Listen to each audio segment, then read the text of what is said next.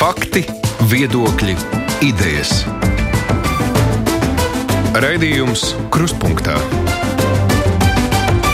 ar izpratni par būtisko. Studijā Mārija Ansone. Klāt piekdienē, kad kopā ar žurnālistiem apspriežam nedēļas svarīgākos notikumus, diemžēl saslimstība ar covid-19 nemazinās un tiek domāts par jauniem ierobežojumiem, lai iespējami mazinātu inficēšanās risku sabiedriskās vietās. Tikmēr atbalstīts atbalsts civilo savienību likumam, kas juridiski aizsargātu arī vienzimumu pārus, par ko diskusijas notiek arī Latvijā. Parādījies no pavisam negaidītas puses, par to dokumentālā filmā izteicies Romas katoļu baznīcas pāvests Francisks. Runāsim arī par politiska rakstura jaunumiem, bet vispirms par mūsu viesiem.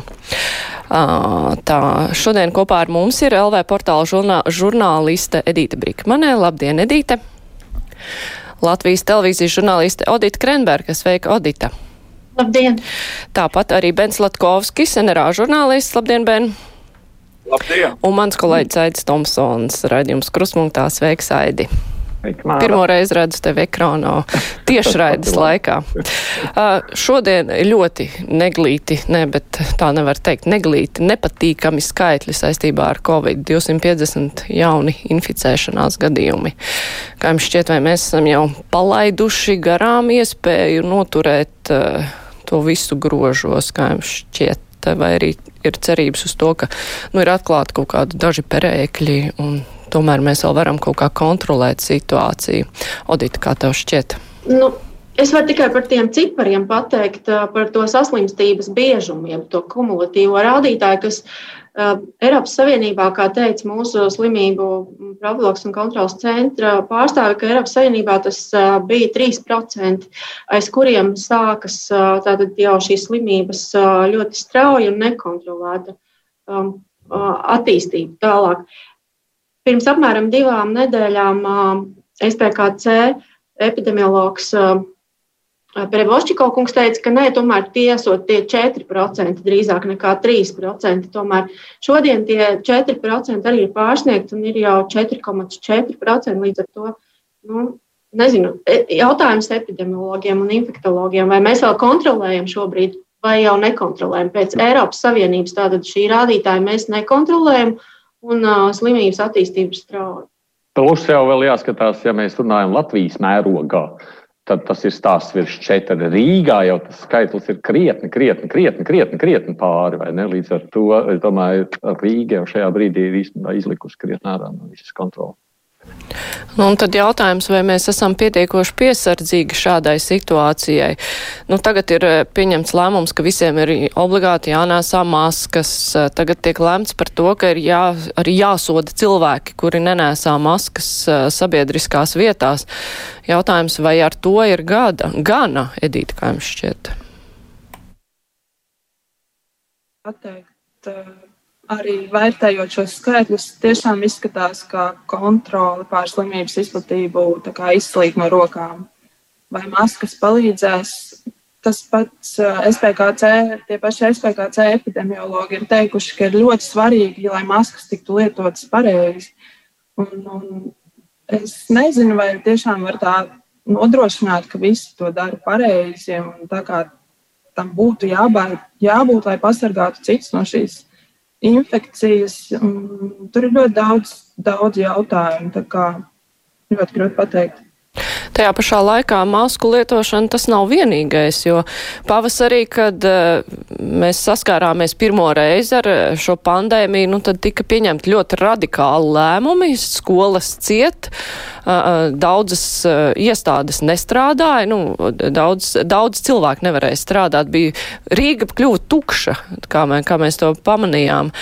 Un, nu, tas uz ekonomiku, protams, atstāja sliktu iespaidu, un tagad nu, tā cenšanās ir ekonomiku saglabāt pēc iespējas tajā pašā laikā, vai to izdosies izdarīt, Ben, kā tev šķiet? Nu, te ir tas jautājums diezgan plašs un interesants, jo, kā mēs jau konstatējām, tā epidemioloģiskā situācija attīstās nelabvēlīgi. Un, um, jāsaka, ka mums bija tāds eh, īpaši pirmajā tajā posmā, pavasarī un vēlāk vasarā, tāda diezgan liela pārliecība, vai precīzāk sakot, ilūzija, ka mums izdosies kaut kā izbraukt cauri citur Eiropā. Tur tie rādītāji bija simtos un tūkstošos, un desmitos, desmitiem, pat simtiem tūkstoši. Mums tie rādītāji bija ļoti mazi. Mums likās, nu, tā nu jau kaut kā mums kaut kā paveiksies. Tagad mēs redzam, ka mums, mēs esam tādi, ejam faktiski to pašu ceļu, ko izgājuši citi.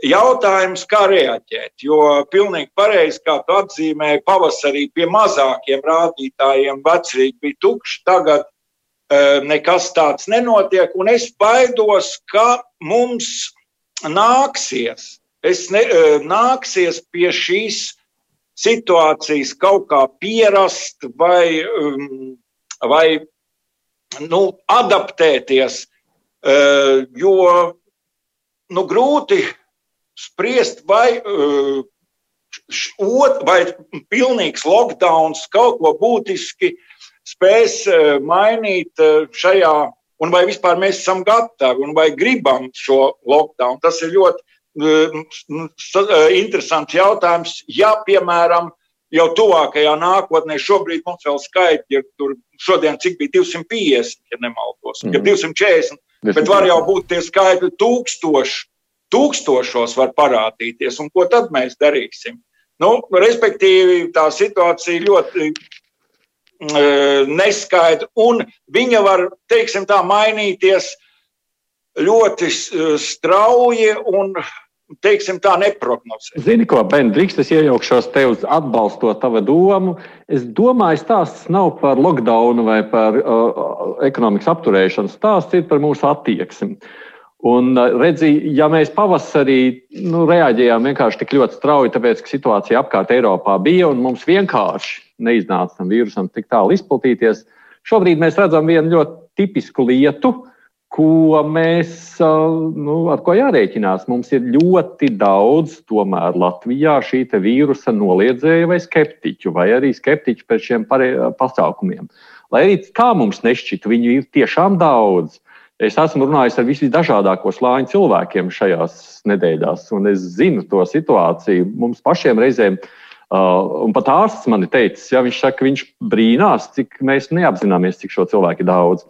Un līdz ar to, kamēr es domāju, mēs nenonāksim līdz brīdim, kad mēs apzināmies, cik tas ir bīstami. Tikmēr es domāju, mums nāksies grib vai negrib samierināties ar šo pesimistisko scenāriju. Es esmu šajā ziņā tiešām pesimists. Es domāju, mēs redzēsim tos skaitļus ar vien augošākus un augošākus līdz brīdim, kamēr notiks tā, kā tas ir noticis Spānijā, Itālijā un kaut kur citur. Es vakar man bija raidījumā divas puslodes sazvanīšanās ar dažādām valstīm. Tieši tā pati situācija. Viņi saka, viņi tagad, tagad, tagad viņi sāk apzināties, nu, nu tagad sāk sabiedrība noraustīties. Un, un iespējams, kaut kādā brīdī sāks nu, izturēties pret to nopietni. Bet kamēr tas tā nenotiks, nu, tur mums patīk vai nepatīk. Tas īpatsvars, kas negribēs ievērot šos piesardzības pasākumus, ir pietiekoši liels, lai visa pārējā sabiedrība to izjustu. Nu, nu, jā, diezgan, diezgan spie, spilgts piemērs bija arī nu, sociālajos tīklos, var redzēt, ir viena dāma, meitene ir publicējusi sev veselu blogu par to, kā viņa jūtas, ka viņa ir saslimusi. Un tad, kad viņa mēģināja iesaistīties uh, diskusijā kaut kādā par to, vai Covid eksistē vai neeksistē, tad, uh, nu, ka viņi parāda, es esmu slimnieks, ja jūs uh, neesat nevienu redzējuši, tad, ā, jūs neskaitaties. Izskatās, ka jūs esat pasūtīts, respektīvi cilvēki netic tam, ka patiešām šī slimība eksistē pat tad, ja tuvumā kāds saka, bet es esmu slims, es esmu slims, bet eh, nu, ar ko tad jūs skaidrojat šo totālo noliegumu? Es tomēr gribētu iebilst, ja drīkst. uh, jo manā uztverē tas, vai cilvēki cik daudz tic vai netic, nav noteicošais rādīt, noteicošais faktors.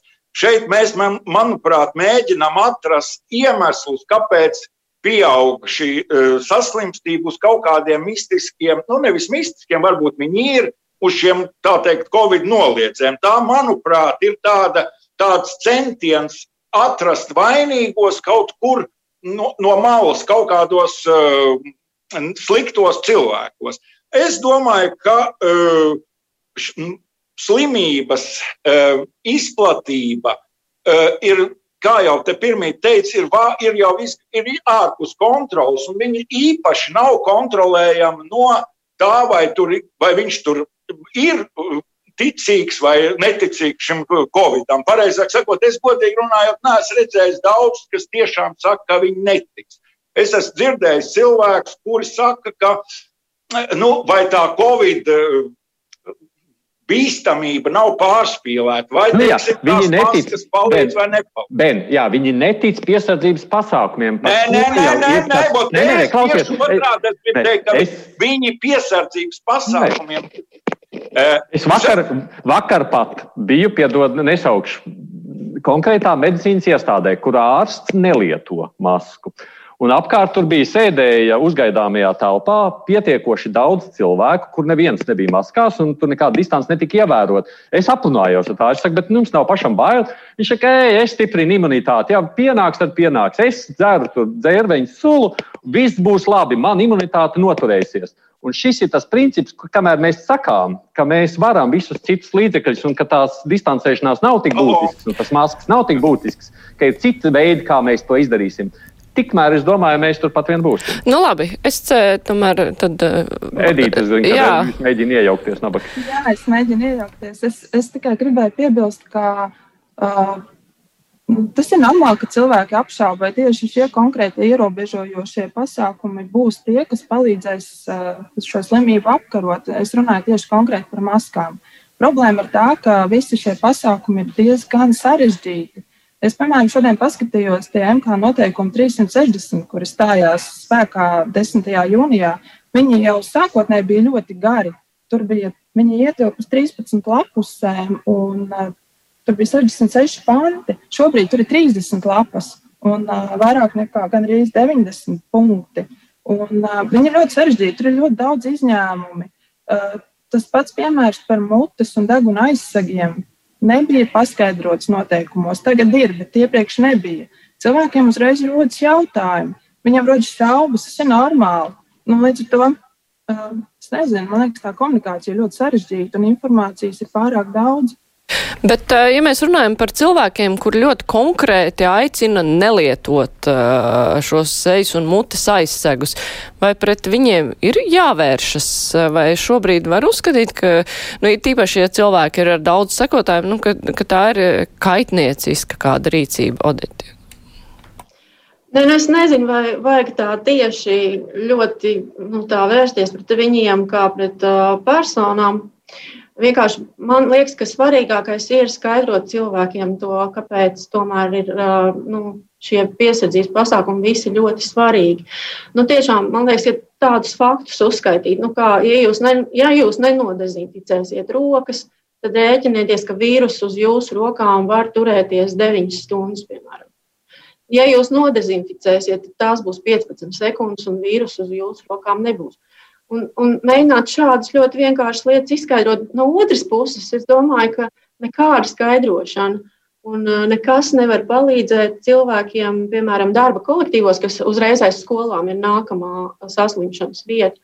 Nu, ka, nu, nedzeram to kafiju kopā, varbūt nu, nu, kaut kā mēģinām, varbūt, ja, ja, ja kāds no kolēģiem neievēro to uh, te varbūt nu, kaut vai aizrādīt. Es zinu, ka mūsu sabiedrībā to ir ļoti grūti izdarīt, un arī darba kolektīvos mēs visi esam viens otram ļoti mīļi kolēģi, un neviens jau negrib būt par to eh, kaut kādu iekšējo policistu, kas to aizrāda. Bet nu, vienkārši no tādiem sīkumiem tas viss sastāv. Un, un tāpēc man liekas, ka tie, kas eh, tā ļoti agresīvi pret šo um, piesardzības pasākumu um, ieviešanu un, un īstenošanu iebilst, viņi, viņi faktiski kāro pret to, pret, pēc tā, lai, lai tagad nu, tā tāds karš izvērstos pret viņiem, kā pret uh, personām, kas to sludina. Man liekas, ka tas nemaz nav tas labākais.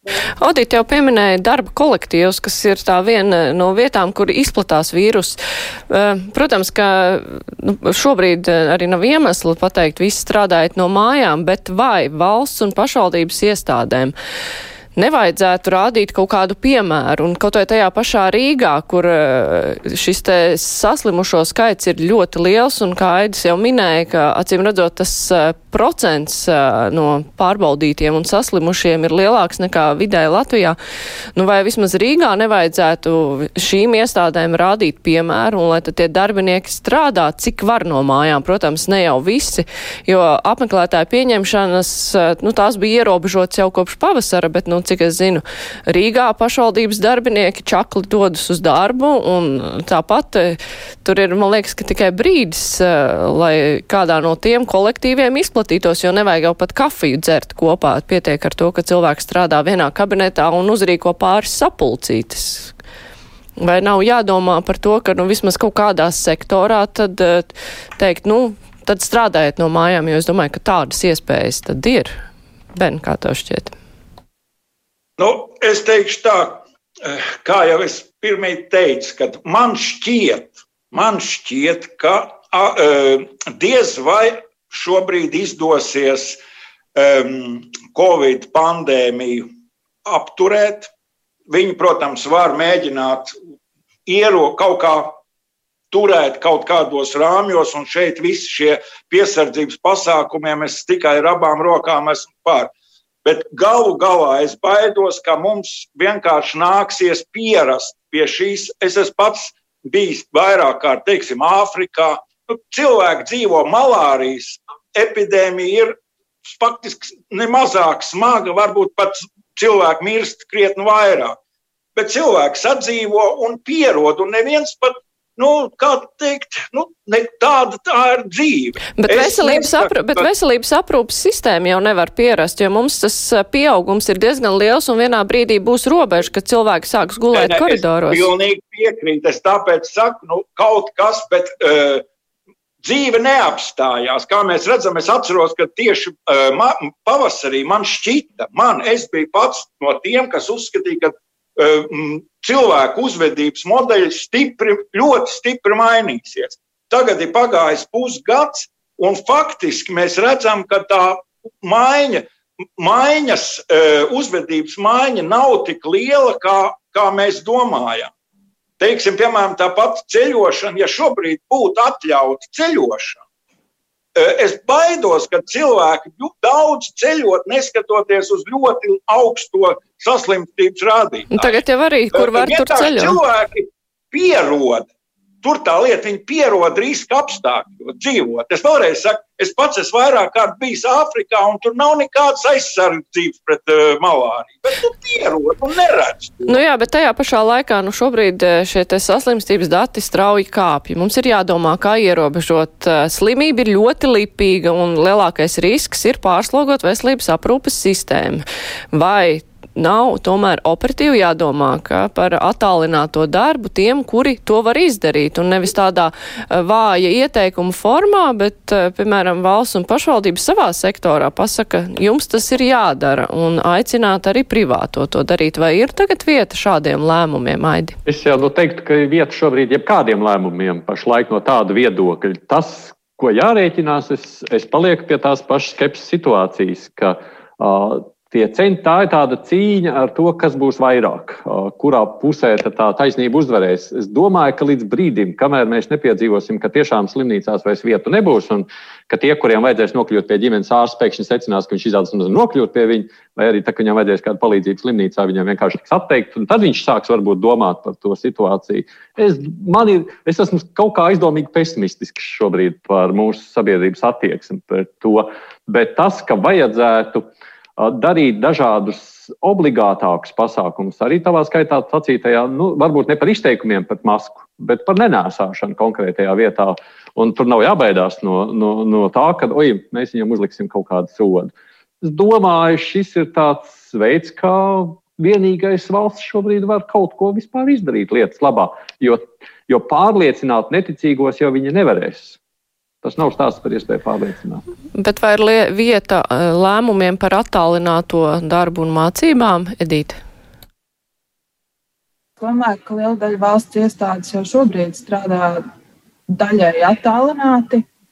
Um, Es nezinu, es piekrītu Benam Latkovskim, ka mums ir jāsāk pierast pie tā, ka vīruss būs klātesošs mūsu ikdienā. Mēs nevaram mūžīgi dzīvot lockdownā. Uh, līdz ar to ir tiešām jāpopularizē, jāinformē cilvēki aizvien vairāk, kāpēc ir šie piesardzības pasākumi, lai mēs varētu kaut kā sadzīvot ar šo vīrusu. Tā kā, e, arī, piemēram, kuldīgas tekstilu piemērs parādīja, ka to taču nevar darīt attālināti. Nu, tās, tās, tās mašīnas, kur šie cilvēki strādā, viņas ir konkrēti tajā uzņēmumā. Mēs nevaram apturēt pilnībā uzņēmēju darbību. Tā kā ir tiešām jādomā, kā, kā sadzīvot. Varbūt ir stingrāki piesardzības pasākumi, varbūt stingrāki sodi, bet pilnībā apturēt kādu uzņēmēju darbību, kādu visi nevar strādāt attālināti. Audita, kā tev šķiet? Nu, es arī domāju, ka tas jau nu, būtu pavisam, pavisam nu, pats, pats sliktākais, ko vajadzētu darīt, ir atkal atgriezties pie tā, kā pavasarī bija, kad ir aiztaisīts pilnīgi viss ciet. Un, Un, un man liekas, ka vajag censties tomēr darīt visu, lai mēs varētu saglabāt kaut kādu dzīvīgumu tomēr ekonomikā, un lai vismaz to, to mazāko klašu skolēnu varētu doties uz skolu. Un, nu, mēģināt tomēr sadzīvot ar to vīrusu, bet darot visu, visu iespējamo, ko vien var, lai noturētos tajā frontē, lai vismaz neaizvarot pilnīgi visu ciet. Un to var darīt. Es, ne, es domāju, ka tas ir iespējams. Un arī jau Latvijā, nu, tomēr neraugoties pie visa tā, ka tas, tie, tie 4% piemēram slimības biežums Latvijā arī jau ir pārsniegts.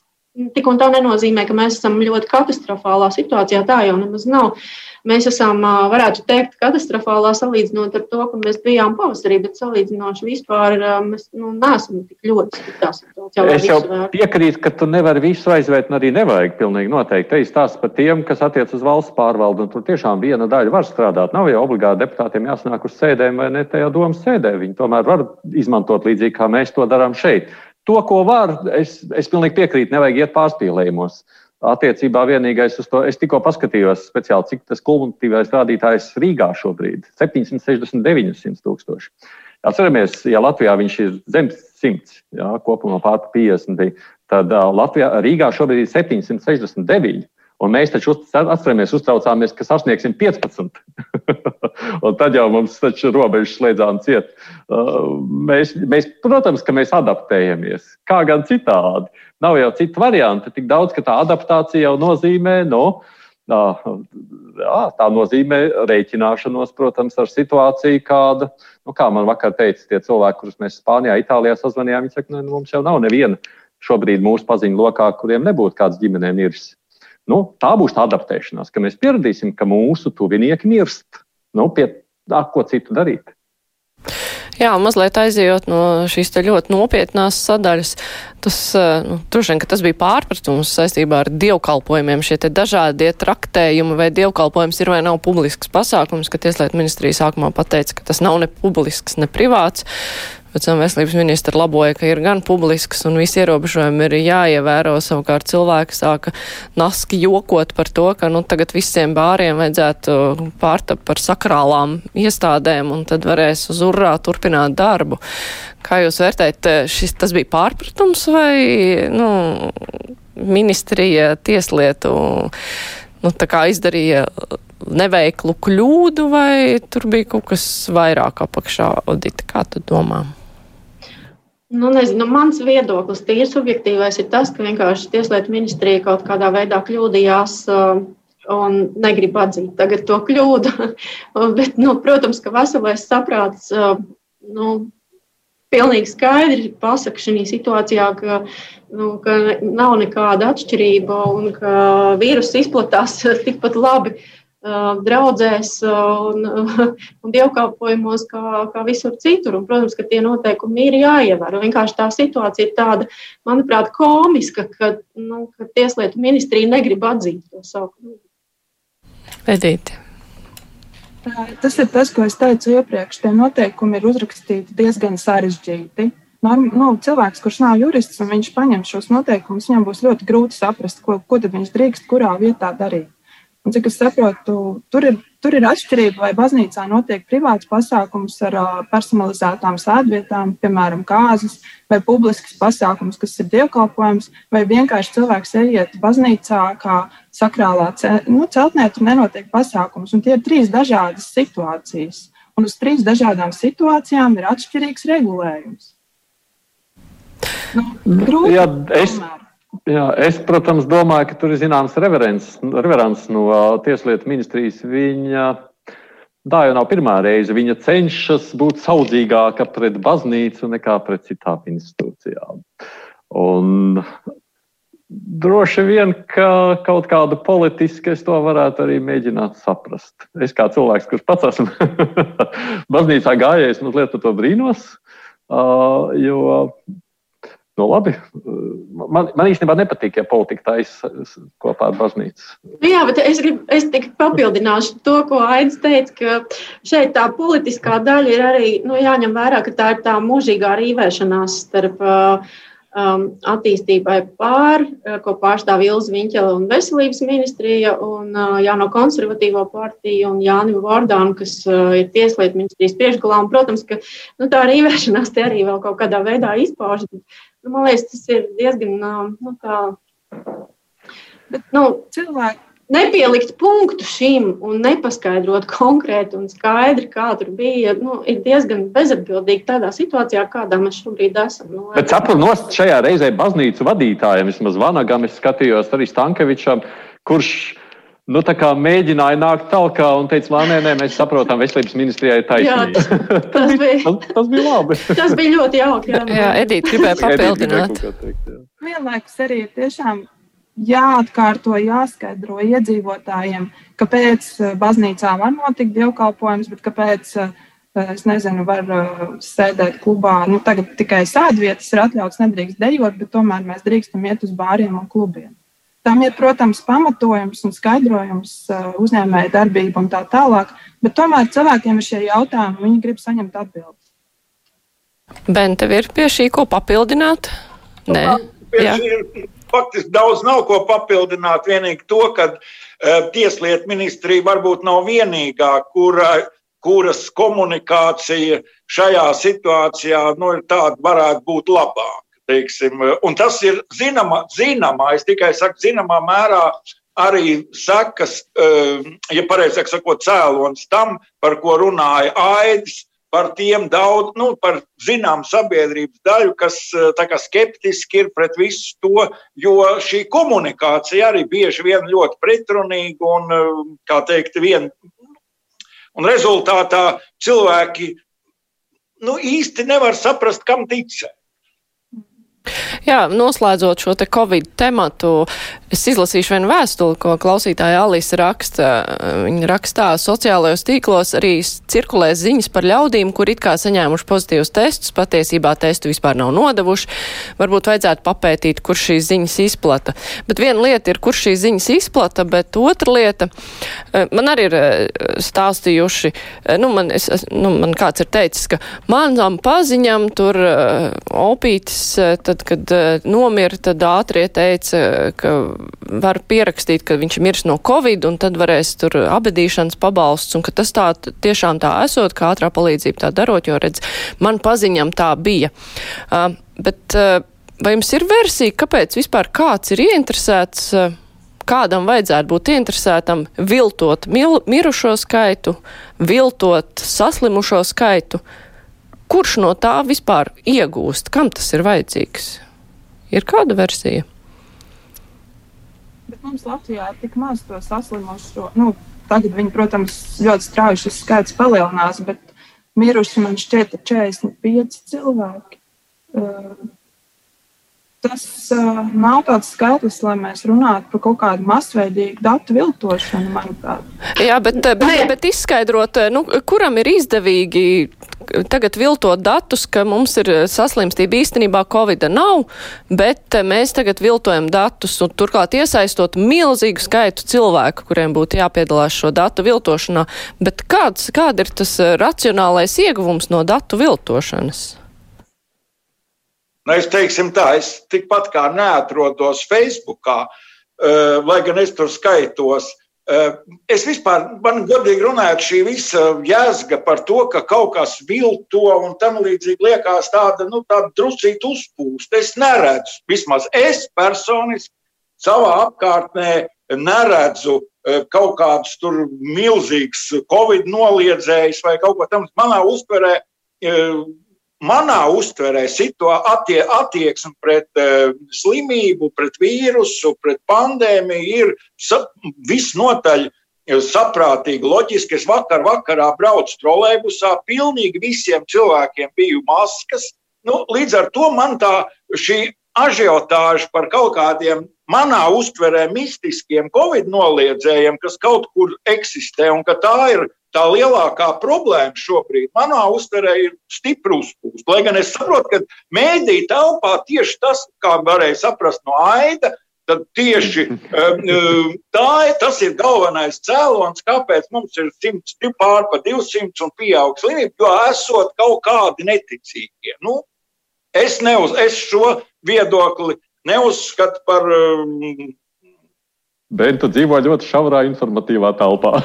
Jā, nu labi, nu, gribas arī iet prom no šī temata, bet tā versija nav. Jā, pasaka, jā, atbild uz manu jautājumu, jā. Es tev tikai atbildēšu uz tavu jautājumu. Es domāju, nu, tajā visā stāstā varētu būt viens mazais patiesības grauds, kas izaudzē tās baumas, jo, protams, ka šo informāciju ļoti izplat tie paši, kas netic visiem tiem piesardzības pasākumiem. Bet tā, bet tā, tā šauba vētra varētu nākt mazliet no fakta, ka tests nav simtprocentīgi, man liekas, precīzs. Ja atceramies, sākotnēji tā precizitāte bija vēl mazāka. Un te jau parādās tā, tās ziņas, nu, ka vienreiz nodevu testu pozitīvs, otrreiz negatīvs. Ja? Ar to ir jārēķinās, ka tas negarantē vienmēr simtprocentīgu precizitāti. Un es pieļauju, ka tās, tas kļūdas koeficients, kas droši vien kādreiz izpeld ārā, ir viens tāds stimuls, kas padzen arī tās runas vairāk uz priekšu. Nu, tāda man liekas. Mm. Bet, nu, tad kāds gribētu speciāli ieriet latviešu tautai, nu, tas, tas ieriebies arī pagaidām, laikam, nav īsti zināms. Bet, nu, labi, es atgādināšu klausītājiem un Latvijas televīzijas skatītājiem, ka, ka šodien mūsu diskusijā piedalās eh, Latvijas televīzijas žurnāliste Odita Krenberga, LV portāla galvenā redaktore Edīta Brīkmane, NRA žurnālists Bens Latkovskis un Latvijas radio žurnālists Aidis Tomsons. Raidījums Krustpunktā. Mazliet par politiku, kamēr mēs par to atkal varam runāt. Mums viena deputāte nolika deputātu mandātu, Linda Liepiņa, nosauc 13 iemeslus, kāpēc viņa iet prom no saimas, bet eh, vai jums ir līdz galam skaidrs, kāpēc viņa to ir izdarījusi? Jo šie iemesli par satversmes pārkāpumiem un demokrātijas ierobežojumiem, nu, no vienas puses Es nezinu, vai kaut kas tāds īpaši konkrēti tagad ir noticis. Tad jau varēja to mandātu likt arī pirms gada, pēc gada, jo nu, viss jau tā lēnām rit uz priekšu. Bet tur ir apakšā kaut kas tāds, kaut kādi tādi slēpti mērķi, jau tev ir kaut kas zināms. Man nekas nav zināms vairāk. Es arī esmu lasījis tikai tos pašus uh, 13 iemeslus, un es tur nesaskatu neko tādu, kāpēc vienam tautas ievēlētam deputātam būtu jāiet prom no saimnes. Es domāju, ka ir, ir vienkārši jāstrādā, ja tev ir mandāts un jāmēģina visu vērst par labu. Bet tas ir mans subjektīvais uzskats. Es tiešām neko vairāk nevaru pateikt. Es domāju, ka tie argumenti, kas ir minēti starp tiem 13, nu, tur viens no, viens no tiem es lasīju, tad tātad tauta Latvijā ir zaudējusi ticību politiķiem. Es vispār neatceros uh, nevienu gadu, nevienu saimu, vispār ne, nevienu. Uh, nu, vēlēt uh, struktūru, par kuru kaut kādā brīdī atkal nerunāt, ka jā, viņi ir zaudējuši ticību un, un tauta vairs viņai neuztic. Tā, bet, nu, tas, viss ir, tas, tas viss ir tikai tāda, um, nu, tādas virspusējas frāzes. Es neredzu tur neko tādu. Um, nu. Vai... Es uh -huh. uh, varbūt. Uh, es domāju, ka. Uh, Linda Liepiņa, manuprāt, īsti nav pieskaitām, nu nevis nav pieskaitām, viņa, eh, viņa nav īsta politiķa pēc savas būtības.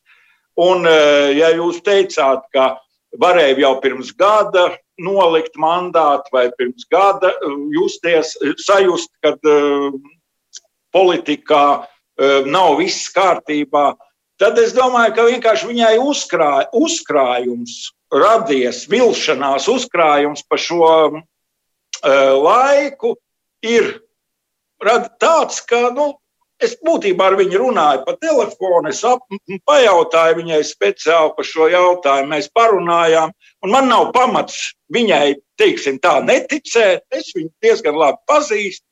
Uh, vienkārši viņai burtiski pieriebies. Viss tas ir. Viņa acīm redzot, tas ir mans viedoklis. Es nevarēju sasniegt to, ko viņa varbūt bija es teikšu tā, varbūt pat naivi iedomājusies.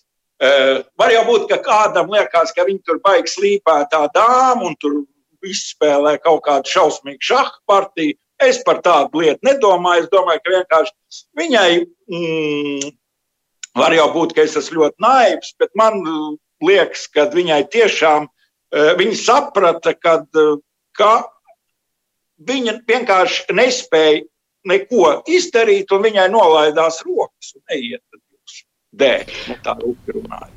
Nu, un ja tā, jā, bet, jā, tad viņai nevajadzētu vairs parādīties nevienas partijas sarakstā, Odita. Jā, bet tāpat laikā es gribēju piebilst tieši par to, ka aizejot, tā frāze jau bija tāda, ka es aizēju no šīs saimnes, bet es neaizēju no politikas. Bet viņa teica, ka mēs... es, viņa, uh, viņa varbūt, es nezinu, kur viņa taisās iet, es viņai speciāli prasīju teiksim, var jau būt, ka viņi sap tagad. Eh, es viņai prasīju, vai ies citā partijā. Nē, nē, nē, nekādā citā partijā. Viņai basot biedrība, viņa būs tajā biedrībā, eh, kas ar uzņēmējiem tur un tam līdzīgi, bet partijā viņa vismaz tā man viņa vakar teica, nebūs.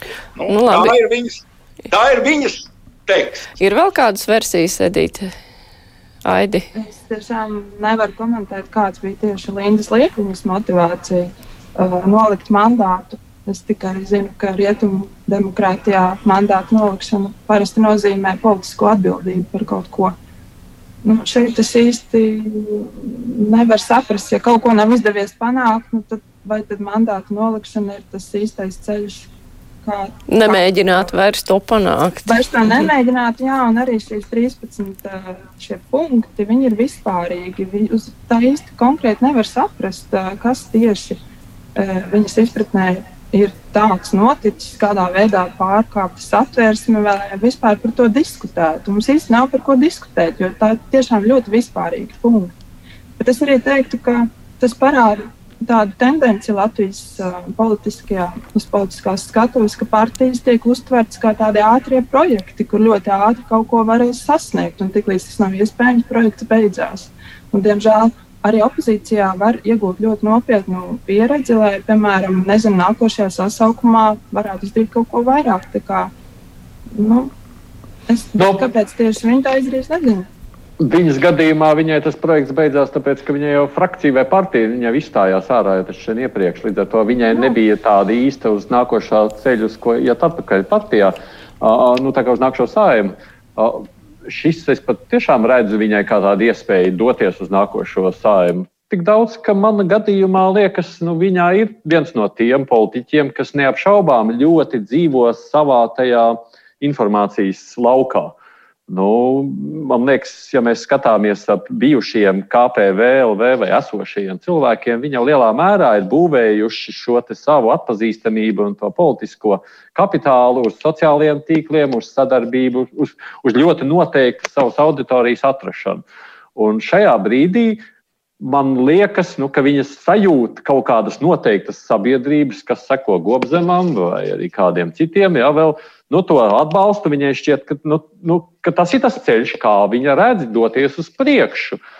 Vai viņa nebūs vīlusies, un vai tas atbalsts tiešām būs, tas jau būs tas lielais interesantais jautājums, ko mēs redzēsim nākošajās vēlēšanās, ja viņa tajās piedalīsies. Bet uh, nu, es domāju, ka es viņu šādā ziņā saprotu vai atbalstu. Tas ir cits jautājums.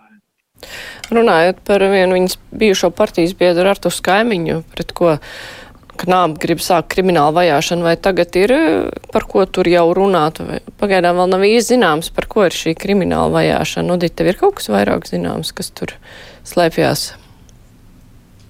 Nē, pagaidām man arī nav nekas vairāk. Nav, tad droši vien, ka pagaidām ir vēl iespējams pāragri komentēt, vai tur atjaunosies tā iepriekšējā lieta, vai būs kaut kas jauns. Bet uh, ir viens plašāks temats, par ko tomēr gribētos paspēt diskutēt uh, Pāvests Francisks uh, dokumentālajā filmā.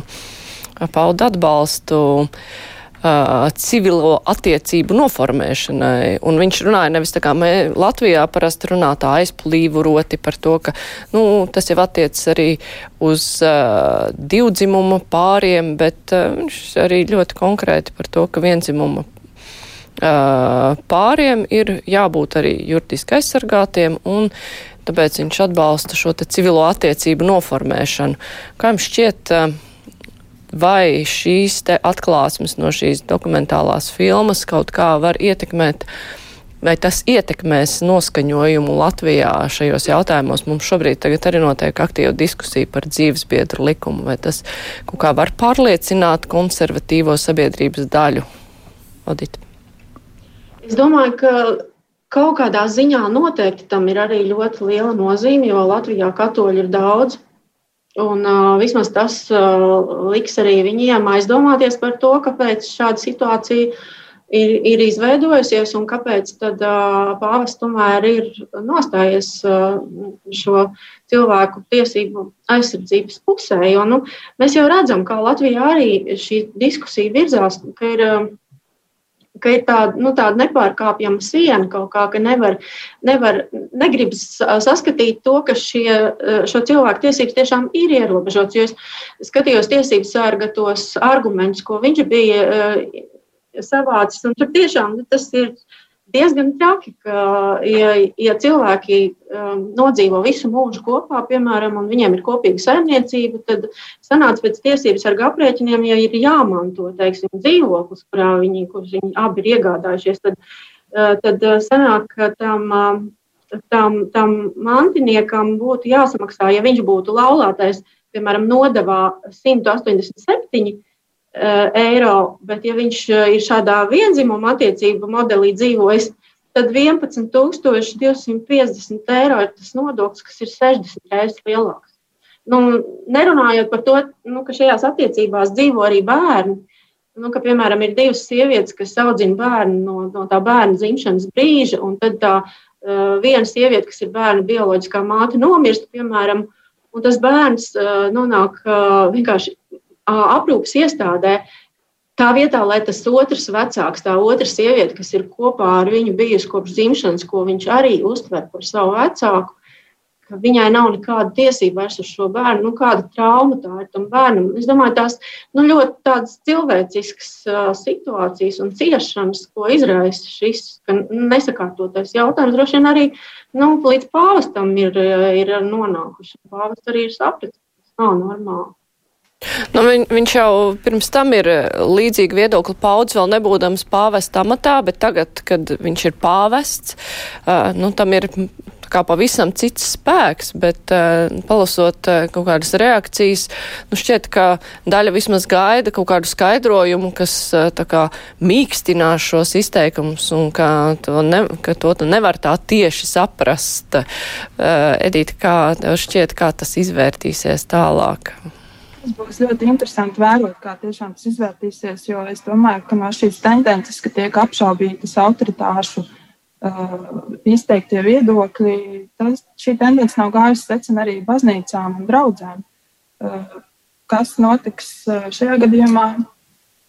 Es zinu, ka katoļu sabiedrībai pāvesta teiktais ir ļoti, ļoti svarīgs. Uh, Šobrīd jau ir publicēts arhibīskipa paskaidrojums, ka ir pārprasts, tiek, ka baznīca joprojām sargā laulību, bet man liekas, tas nav pretrunā, ko, ko teica pāvests. Viņš jau teica, ka jāsargā arī šo cilvēku civilās tiesības, kas ir valsts pienākums. Man liekas, viņš nerunāja par baznīcas pienākumu. Viņš aicināja ticīgos pieņemt šos cilvēkus, ka viņiem ir līdzvērtīgas tiesības. Viņš runāja par civiltiesībām, kas ir tieši valsts pienākums. Līdz ar to man liekas, nav tur nekādas pretrunas ar laulības svētumu vai tam līdzīgi. Uh, tiešām būs interesanti, kā tas attīstīsies. Aidi, kā tev šķiet?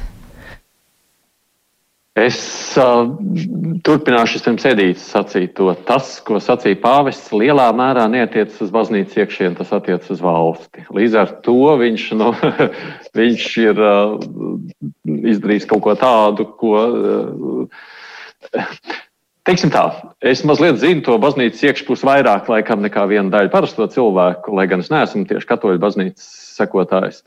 Baznīca pati par sevi ir ļoti sarežģītā gan struktūra, gan arī iekšējā situācija. Un baznīcā tāpat kā sabiedrībā mēs redzam ļoti plašs strāvojums, sākot no galēji konservatīviem līdz galēji liberāliem. Uh, Un pāvests, kā vienas lielas organizācijas vadītājs, kuram ir jādomā par šīs organizācijas saturēšanu kopā arī šajā 21. gadsimtā, viņš, es domāju, ka viņš visus šos gadus ļoti uzmanīgi apsver, ko viņš saka un ko, cik tālu viņš atļaujas. Un šis ir tāds vēstījums, ko viņš ir spriedzis, ka viņš var tik tālu atļauties. Kādas tam būs sekas, to mēs, protams, vēl redzēsim. Es domāju, ka mēs, redzē, mēs jau tagad redzam, ja īstenībā jūs pašķirstat vakar kaut kādas vai šī rīta kaut kādas uh, vietējos saites no baznīcas saistītos. Mēs redzam ļoti atšķirīgus viedokļus jau šobrīd uh, tajos. Uh, mēs redzēsim skaidrojumus vienā vai otrā virzienā. Gan, gan. Un es domāju, droši vien lielākoties Latvijā konservatīvākā virzienā nekā liberālākā. Uh, to paskaidrojot, ka nu, nepārprotiet, lūdzu, pāvestu. Ne? Viņš jau nu, tik liberāli nebija domājis. Bet attiecībā uz ietekmi, ko tu jautāji, uz sabiedrības ietekmi, es teikšu, ka tas atstās gan iespaidu, un atstās ne tik daudz uz tiem konservatīvo daļu vai to, kas jau ir, kuriem ir tas viedoklis. Latvijā tomēr, es domāju, ir ļoti liela sabiedrības daļa, kas tā vairāk vai mazāk neitrāli pret to izturas. Nu, kuriem ir arguments tā un šā, viņi ne tik ļoti par to raizējas vai cepas, uh, kuri nav iestājušies kategoriskā pozā. Un es domāju, šiem šis pāvesta teiktais varētu atstāt gan noteikti iespēju. Ben. Es zināmā mērā piekritīšu Aidim, kad jādomā, ka varētu atstāt iespēju Bet, eh, manuprāt, ši, šajā jautājumā eh, būtisks ir eh, teiksim, tās juridiskās nianses tajā likumā, kas tur tiek ietverts, un tad visi vienmēr mēģina skatīties ar lupu, vai tur tikai nav mēģinājums legalizēt, teiksim, vienzimumu laulības, jo tieši par šīm laulībām jau ir tas galvenais, par to, ko sākumā runāja Odita es domāju, par to jautājumu varētu atrisināt viens un divi. Galvenā problēma ir, eh, ka tikai nav šī ne, nepaceļ roku uh, uz laulības institūta svētumu, kas satversmē mums ierakstīts ir savienības ar vīrieti un sievieti un tādā garā. Uh, un, un tur jau slēpjas tā, kā teikt, tā, tā problēmas uh, problēmas sāls, ja tā var teikt. Bet cik tad bet, skaidri vajag pateikt, ka nē, tas nav, tās nav laulības, nē, tās nav nu, jā, laulības. Tur jau, jau vienmēr parasti tiek ies, ieslēgts tajā likumā kaut kādas nianses, kuras var interpretēt. Es uzsveru nevis, kuras ir, bet kuras var interpretēt, ka tas ir pirmais solis uz un bla, bla, bla. Nu, tāda tā parasti tāda retorika ir. Es nesaku, es esmu pie, piekrīt tieši tāpat kā um, Aits saka, nu, neitrāli, un, un, un neviens jau šobrīd, mūsdienu pasaulē, par šim, šiem jautājumiem tādu, teiksim, celt tādu milzu traci, nu, teiksim, arī pat pāvests, um, ja konservatīvs iestādes um, pārstāvs, bet pareizi jau viņš atz, pareiz atzīmē, runa jau ir tikai par civilo lauku, par civilām attiecībām, nevis lau, īstām laulībām. Bet, nu, ja izlasa šo dzīvesbiedru likumu, nu, tur ir grūti atrast uh, kaut kādu mēģinājumu to nosaukt par laulību. Nu, tas ir, tās ir šīs te civilo attiecību noformēšana un tiesības uh, šādiem pāriem. Bet Tagad, tu labi zini, kādas emocijas un retorika. Emocijas ir noteikti, protams, bet uh, tajā pašā laikā, nu, vai tas, ka pāvests ir par šīm lietām runājis, vai tas kaut kādā veidā tomēr palīdzēs pārliecināt, nu, ka, ka šāds likums eh, pirmkārt ir nepieciešams un eh, varbūt uh, samazināt bailes, ka nākamais solis būs laulību pieprasīšana vai atzīšana. Odite, kā tev šķiet, vai tas kaut kādā veidā to likuma ceļu saimā atvieglos? Nu, es nezinu, vai tieši saimā tas atvieglos. Es domāju, ka varbūt ka tas varbūt mazinās. Nu, zināmā mērā var teikt, ka jā, varbūt pat tas mazinās kaut kā to spiedienu varbūt, no sabiedrības uz, uz deputātiem, nu, no kaut kādas daļas sabiedrības. Protams, ka tos, kas ir tie kategoriskie noliedzēji, viņš jau neviens nepārliecinās tik un tā. Bet šis būs, es domāju, ka pāvesta paziņojums ir viens no tādiem, kas mazliet tā kā nu, palaiž, kaut kā rada lielāku elastību šajā visā. Nu, vēl viens, kas varētu radīt elastību, ir arī, protams, nu, tikpat labi arī Eiropas cilvēktiesība tie, tiesa, kur ir, piemēram, vairākas lietas no, no citām valstīm. Teiksim, tur ir Polija un Rumānija, kas uh, sūdzas pret savām valstīm par to, ka nereģistrē šīs attiecības, un tas ir arī viens no spiediena veidiem. Jo, nu, mums ja jau arī satvērsmes mēs... tiesā ir nu, jautājums par bērniem gan. Bet, nu, par šo te bērnu atvaļinājumu, bet, nu, tas jau arī varētu būt kaut kāds signāls. Viens no tiem veidiem, kas liek tomēr domāt, ka būs jāatrisina šis, jo citādi, nu, jūs nevarēsiet tik galā ar šo problēmu. Nu jā, vēl interesanti, mums gan laika vairs par to nav uh, parunāt, uh, un droši vien, ka informācijas arī vēl nav.